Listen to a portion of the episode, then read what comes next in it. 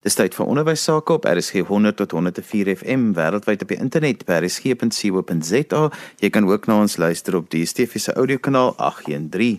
Ek het so ruk gelede met professor Ignatius Gous gesels en ons gesels vandag 'n bietjie verder, maar vandag praat ons oor hoe moet kinders dink oor die toekoms en hoe moet hulle daarop reageer? Jy weet Johan, wat vandag die probleem is met kinders of eintlik waarmee hulle geweldig baie sukkel, is dat hulle uitsigloos is. Ons is so in 'n smeltkroes tyd op die oomblik. En dit is 'n tyd wanneer eintlik alles wat onnodig is, uh, getoets word en verbrand word. Jy weet jare gelede het ek by Eyskor gewerk as 'n student was om 'n bietjie geld te verdien. En daar het ek gesien hoe die erts in die hoogonde gooi, jy weet, en dit was geweldig baie, maar aan die ander kant na die hitte kom hierdie eysterblok uit en dit word dan verder verwerk tot bruikbare goed. So die groot hoeveelheid van dinge word verminder in tye van swaar kry. Maar nou is die probleem is dat die kinders vandag nie werklik die gevoel het van dat dit wat ingaan en hulle dat dit dit is so warm hulle weet nie wat onderkant gaan uitkom nie. En daarom is dit belangrik om in smeltkroestye dat ons nuut moet dink oor wat is regtig belangrik en waarop ons moet fokus en wat ons vir kinders moet leer. Prof John Hattie het gesê dat in 'n tyd van 'n verkorte kurrikulum soos wat hulle byvoorbeeld in Nieu-Seeland na die aardbewings in Christchurch gehad het, moet ons fokus op wat die kinders nie kan doen nie en nie noodwendig herhaal wat hulle reeds weet nie. Nou ons weet ook nou in die tyd wat ons nou is dat daar minder tyd gaan wees om op die kurrikulum te fokus.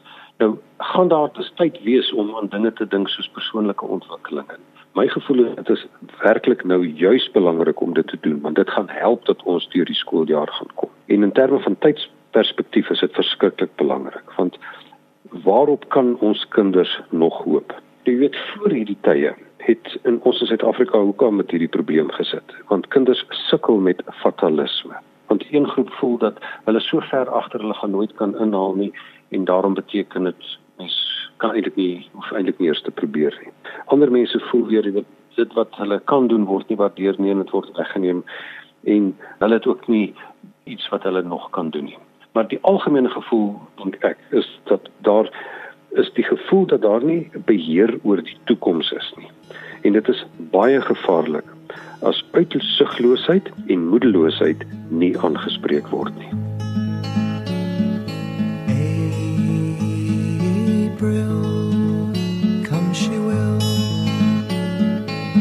when streams are ripe and swelled with rain. May she will stay, resting in my arms again.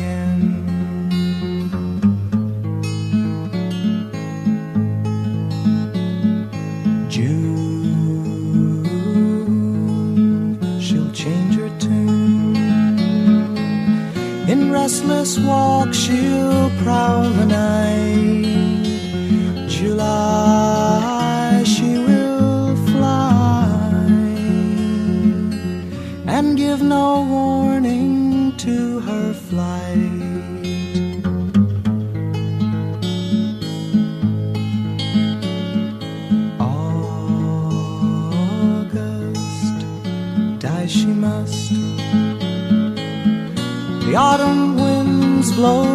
Chilly and cold.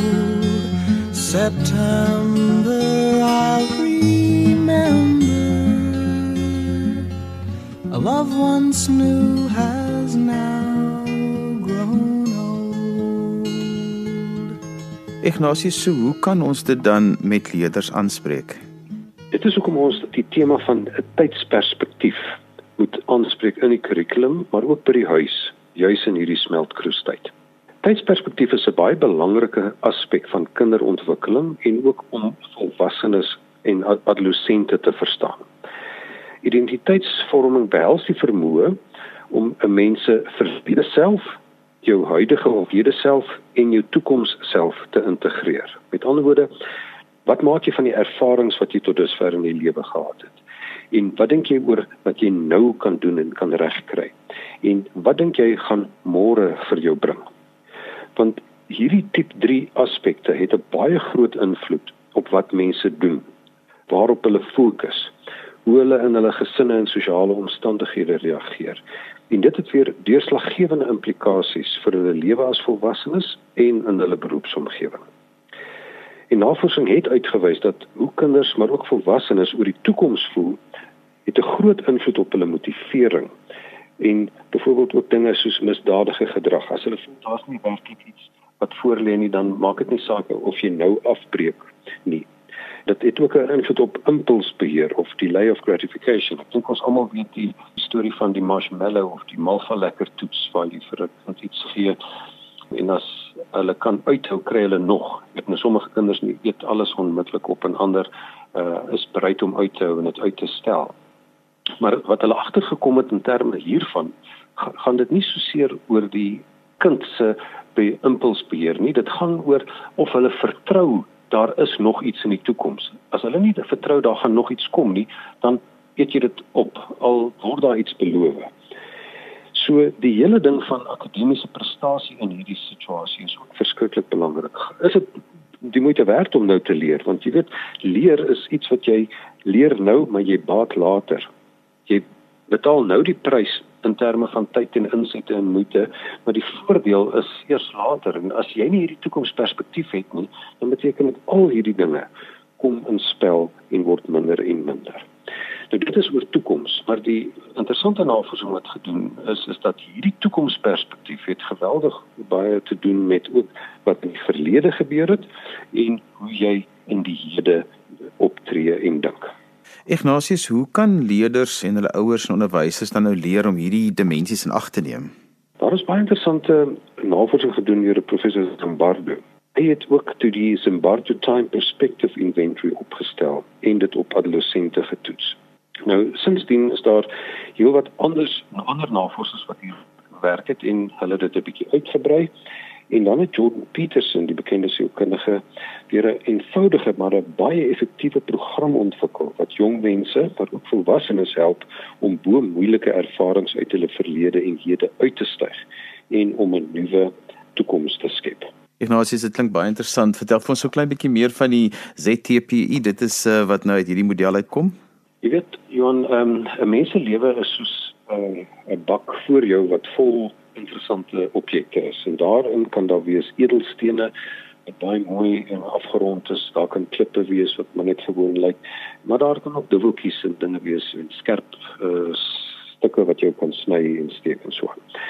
En wat 'n mens doen wanneer jy oor jou eie lewe dink, is nou mens tel uit hierdie pak uit sekere dinge op. Nou sommige mense tel byvoorbeeld heeltyd net die lelike dinge op en sê kyk hoe swaar dit gegaan. Ander tel nou weer net die mooi dinge uit op. Ander het 'n van 'n gebalanseerde gevoel wat hulle oor hulle hede en hulle verlede het. Nou wat Zimbabwe gedoen is, hy het gesê daar's vyf aspekte wat hy gesien het in mense 'n rol speel. Hy het gepraat van 'n verlede negatief en 'n verlede positief, 'n hede hedonisties en 'n hede fatalisties en dan 'n toekoms. Nou wat hy bedoel met die verlede negatief is dat wanneer jy kyk na die verlede, dan sien jy al die slegte dinge wat met jou gebeur het raak. En jy voel dis op die ou end my sjoe, ehm um, ek is aggressief teen daarteen. Dit is iets wat vir my heeltyd seer gemaak het en ek het altyd aan die kortste end getrek en die slegte dinge is heeltyd vir my uitgemeet. Ander mense kyk byvoorbeeld na hulle verlede as weer heel, jy weet, is daai aande voor die stoof en die kaggel en die kombuis en die lekker warm sop in die winter en al sulke dinge. Dit is mooi en almal het goed gewees vir mekaar. Nou die werklikheid is is dat daar is altyd uh, mengsel van beide hiervan. Maar 'n mens se fokus en jou keuses van wat jy op fokus maak hoe jy die verlede sien of dit negatief is of positief. Nou dit het dan nou weer 'n invloed op die hede en die hede kan jy maak dat dit hedonisties of fatalisties wees. Die fatal hedonisties is beteken ek ehm um, ek nou soveel veel as moontlik uit hierdie hede uit uh, druk en kry en so vinnig as moontlik maak nie saak wat dit kos nie want môre is nie nog 'n dag nie. En dit is hoekom baie mense risikonemend begin optree en sê joh ek wil net so lank daar iets is om te kry. Ek moet daai mal vir lekker eet want dit is die enigste en dan gaan nie weer ene wees nie. Die hede fatalisties voel weer maar jy weet ek het al hierdie dinge gedoen en dit werk nie vir my nie en ehm um, weet al ek het nooit kansse gehad nie of ek het nou meer kansse nie en jy word dus hopeloos en hopeloos en jy gee op en jy gaan sit. So die een kan veg maar in so 'n manier dat hulle hulle self onder gevaar stel en anders toe wees se vlug of gaan sit uh, of vries en hulle uh, sien nie verder kans nie. En dan kom dit by die toekoms. Nou dit is die vyf aspekte wat hy gesien het. Toe die mense verder gegaan het en navorsing oor sy navorsing oordeel en agtergekom, maar daar is ook 'n toekoms negatief aspek. Dat dit nie net een is dat op grond van die verlede dat ek nou so en so oor die toekoms beplan nie, daar is ook mense wat sê daar is nie toekoms nie. Ons het nie meer iets nie daar. Dit is maak nie saak wat ek probeer nie, die toekoms gaan in elk geval negatief wees. En dit is die tipe van dinge wat ons eerstens van onsself moet besef. Hoe voel ek oor my eie verlede? Hoe funksioneer ek tans in die hede? en wat sien ek hou die toekoms vir my in want jy weet dit gaan 'n verskriklike invloed hê as ek 'n onderwyser is of as ek 'n ouer is oor wat ek vir my kinders gaan leer want onthou as ek negatief oor die oor alles praat in die land en oor wat gaan gebeur en oor die toekoms en daar's niks nie dan beteken dit dit gaan afvryf op hulle ons moet dus sê kom ons kyk na hierdie ons almal se verlede, hede en toekoms en ons kry net 'n gebalanseerde ehm um, siening daarvoor. En ons sê daar is goed en sleg in verlede, hede en in toekoms en op die ou en waarop ek vir 'n mens bybring is dat ek moet sê wat is my doel? Wat is my inset? Wat is my agentskap in hierdie ding? Wat kan ek doen om dit te doen? om 'n uh, 'n goeie toekomsperspektief en 'n goeie lewe te kry. Ons gesels vandag met professor Ignatius Gous oor kinders se belewing van tyd en ook hoe hulle moet oor die toekoms moet dink. Onthou jy kan weer na vandag se program luister as 'n potgooi as jy die eerste gedeelte van vandag se program gemis het. Ignatius, eh, wat kan ons doen om kinders en ouers onderwysers se toekomsperspektief ten goeie te verander? Hier is die die navorsing wat Jordan Peterson gedoen het wat hy noem sy self-authoring project uh, en wat hulle getoets het in Kanada en in Nederland het so geweldig interessant. Hulle het gesien dat daar op die universiteit is kom in dat daar hulle praat van 'n gender and ethnicity gap in academic achievement. In hulle klomp dinge probeer uh ondersteuning en ekstra klasse en sulke goed en dit het nie werklik 'n invloed gehad nie. En toe het hy en 'n paar ander mense 'n intensiewe doelwit skryfprogram ontwikkel het en dit is nou die self-authoring project. It's called the Future Authoring Program. We've tried it with thousands of university students now and it's had a remarkable effect on their retention. The effect is approximately 25%. We decrease dropout by 25%. You can have what you want and need, assuming you're taking care of yourself, right? Assuming that you're, you're starting out with the proper attitude towards yourself, which is that you're worthy of care and respect, and, and there's something to you that, that's valuable that at least could be developed. You need to give yourself that amount of credit, like, like you would with anyone that you might be willing to attempt to care for and love. And then the next question is all right, you can have what you want, but you have to specify it. What would you like from your friends three to five years down the road? What would you like your friendship network to look like? What would you like to do? What, what, how would you like your career to, to shape itself? How are you going to take care of your family? Your, your, and, and what about children and a, and a, and a, and a long term mate, a wife or a husband? Um, what are you going to do with your time outside of work that's useful and engaging and meaningful and productive? How are you going to take care of yourself mentally and physically? And how are you going to withstand temptation so that it doesn't take you down in the particular way that temptation might take you down? And so you're asked to write a few sentences, not to be obsessive about it, but to sketch it out like a bad first draft, you know? and then you're asked to write for 15 minutes. It's like, okay, it's three to five years down the road, and you have what you need and want to, to make your life what it needs to be so that you can be a good person in, in the face of the suffering of life. What does it look like? And then we ask people to do the contrary, which I think is also useful, which is all right, well, consider for a moment your, the multitude of your faults and the direction those faults could pull you in. And everyone knows that. Everyone has a sense of how they would fall apart in their own particular manner, with their own particular weaknesses. It's, it's three to five years down the road, and you've let that part of your character dominate. What particular corner of hell is it that you're now occupying? And so now you have something to aim at, you have a purpose, right? And, and that, that's motivating. People need a purpose in life. It, it, you need a, a purpose neurochemically because without a purpose, you don't feel any positive motivation or any positive emotion. Like our positive emotion is linked to our pursuit of valuable goals. That's how our brains are, are, are, are set up. And, and so you need that, that positive goal and also to stop you from being unduly uncertain and, and anxious because nothing is specified enough. And you need something to run away from. And so you can run away from the worst in you. You can escape from the worst in you and you can move towards the best in you. And, and then we have people write out a strategic plan for the accomplishment of their, of their goals. En die interessante ding wat hulle gedoen het, hulle het 'n eksperimentele groep en 'n kontrolegroep gehad. Die eksperimentele groep het 'n baie intensiewe geskrewe doelwitprogram gevolg waar hulle eh, oor hulle persoonlike doelwitte bedink het op 'n spesifieke manier in agt stappe en uh, dan het hulle deel daarvan is om strategieë uit te werk hoe hulle wel hierdie doelwitte kan bereik. Die kontrolegroep het baie meer tradisioneel gewerk. Hulle het vraelyste gehad oor hoe hulle oor hulle self voel en persoonlikheidstoetse en al hierdie tipe van dinge. En daarna het hulle wel ook geskryf en hulle is gevra om te skryf oor vorige positiewe ervarings in hulle lewe. En dan het hulle beroepsleiding ontvang en beroepsbelangstellingsvraelyste op ingevul en uh, wat vir hulle gesê is, maar goed, dit is die tipe van dinge waaraan jy moet kom.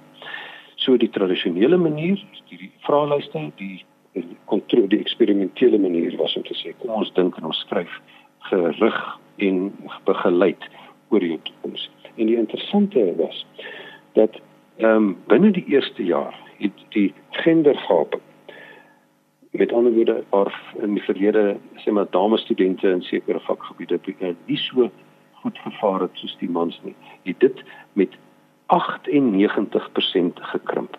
Met ander woorde, hulle het heeltemal uh die gaping opgevul en hulle was presies op dieselfde vlak as die ander studente. Die etnisiteitsgaping het in die eerste jaar met 38% gekrimp en in die tweede jaar met 93%. Nou, dit is geweldige verskil wat hulle gemaak het. En as jy nou dink, dit is nie iets wat duur is nie, daar's nie toetse nie, dit is 'n bereikbare, haalbare manier om op die ouend te kyk wat kan 'n mens maak om ten spyte van dinge wat in die verlede gesê is oor jou en hoe jy gevoel het oor jouself, die ervarings wat jy gehad het, die geleenthede wat jy gehad het, hoe jy in die huidige oomblik voel maar kan ek of kan ek nie en hoe jy voel maar hoe jy so gaan ek dit maak of gaan ek dit nie maak nie. Hoe daai negatiewe gapings heeltemal uitgewis is deur dat 'n mens positiewe doelstelling het. Ignatius, so wat sê ons vandag oor kinders se belewing van tyd en ook hoe hulle moet oor die toekoms moet dink? Jy weet, ek dink ons almal sit maar 'n bietjie in ons hart vashou oor wat gaan kom. Maar 'n vreeslike interessante beskrywing van iemand wat in wat uh, 1900 gebore is. Jy weet toe hulle so 14 of adolessente ouderdom was toe die Eerste Wêreldoorlog uitgebreek en dit was 'n nare oorlog. Jy weet ek was daar op baie velde van die die uh, Eerste Wêreldoorlog plaasgevind het. Jy weet en hulle praat van die blomme wat daar groei en hulle groei so goed omdat hulle op oorskot groei. Jy weet so daar is miljoene mense dood in daai tyd en die plek is vernietig en dit was nie lank daarna nie toe het die uh virus gekom en 50 miljoen mense met die griep doodgemaak. En dis nie lank daarna nie was die groot ehm uh, depressie in die 30er jare daarna. Daarna het die Tweede Wêreldoorlog gekom en nog miljoene mense doodgemaak. En toe die Koue Oorlog, jy weet, ek bedoel ons was amper was die hele aardbol uitgewis met die kern uh oorlog tussen uh Rusland en Kuba en Amerika. En uh so het die dinge aangegaan en aangegaan. So as 'n mens so daarna kyk, dan kan jy nie dink dat iemand 'n goeie lewe gehad het in daardie tyd nie. En tog het mense te midde van hierdie swaar kry goeie lewens gehad. So op die ouend gaan dit daaroor dat ek moet te midde van moeilike omstandighede moet ek daarbo uitstyg. Ek ek dink ons almal praat van resilience. Nou my woord daar in Afrikaans daarvoor is uitstygkries. Jy moet bo hierdie dinge uitstyg. Jy moet dit beteken nie jy moet dit nie raak sien nie. Jy moet dit nie uh, in die oë staar nie. Die feit van die saak is jy moet terwyl dit daar is, moet jy kyk na goed wat kan ek doen. En daarom sê ek uh, doelwit moet slim wees. Jy weet hulle praat in Engels van smart, weet specific, measurable, attainable, realistic and time bound. Maar in Afrikaans sê ek dit moet slim wees, spesifiek, logies, inspirerend en meetbaar. So jy moet gaan sit en kyk vir jou eie doelwitte, maar dan moet jy ook help vir kinders in jou klas en uh, die kinders wat by die huis klas kry by die ouers. Wat se spesifieke doelwitte is daar? En dit moet spesifiek wees. Moenie sê ek wil eendag gelukkig wees nie. Jy moet sê goed ek wil uh hierdie beroep beoefen ek wil daardie tipe van verskil maak in die lewe. En dit is aan hierdie tyd gekoppel. Dit moet logies wees, dit moet nie baie kompleks wees nie. Jy moet dit kan volg. Dit moet inspirerend wees dat dit vir jou werklik kan sê maar uh, dis nie iets wat ek maar net moet doen nie. Dit is iets wat my trek. Ek wil dit doen en kom wat wil die maak nie saak vir die omstandighede is nie ek sal dit doen. En dan moet dit meetbaar wees ek kan sien maar vorder ek op hierdie ding. En dit is die tipe van dinge wat ook ons wat ek gesien het in uh, Jordan Peterson se program is dat ons as ons vir kinders help deur hierdie program dan beteken dit ons gaan vir hulle die vermoë gee om ook in korter tye die uh, kurrikulum te bemeester. Maar dit gaan ook vir my eendag as my werk verdwyn omdat robotte dit oorneem of omdat die virus maak dat my hele bedryf in duie stort dat ek nog steeds sê nee maar goed wat kan ek doen? Watter gapings is daar nog steeds? En omdat ek in die verlede dit regkry het weet ek in die toekoms sal ek dit weer regkry. Ignatius as mense met jou wil verder gesels hoe kan hulle dit doen? Hulle is baie welkom om vir my 'n e-pos te stuur. My e-posadres is ignatius.gous@gmail.com en onthou net my gou spel mes G O U S sonder die B of hulle kan vir my 'n WhatsApp stuur op 083 459 1902. En so gesels Ignatius Gous en hy's 'n professor by Unisa en ons vandag 'n bietjie gesels oor kinders se tydsbelewing, hulle perspektief en hoe hulle oor die toekoms moet dink. Onthou jy kan weer na vandag se program luister as 'n potgooi, laai dit af by resgep.co.za. daarmee groet ek dan vir vandag tot volgende week van my Johan van Dil. Totsiens.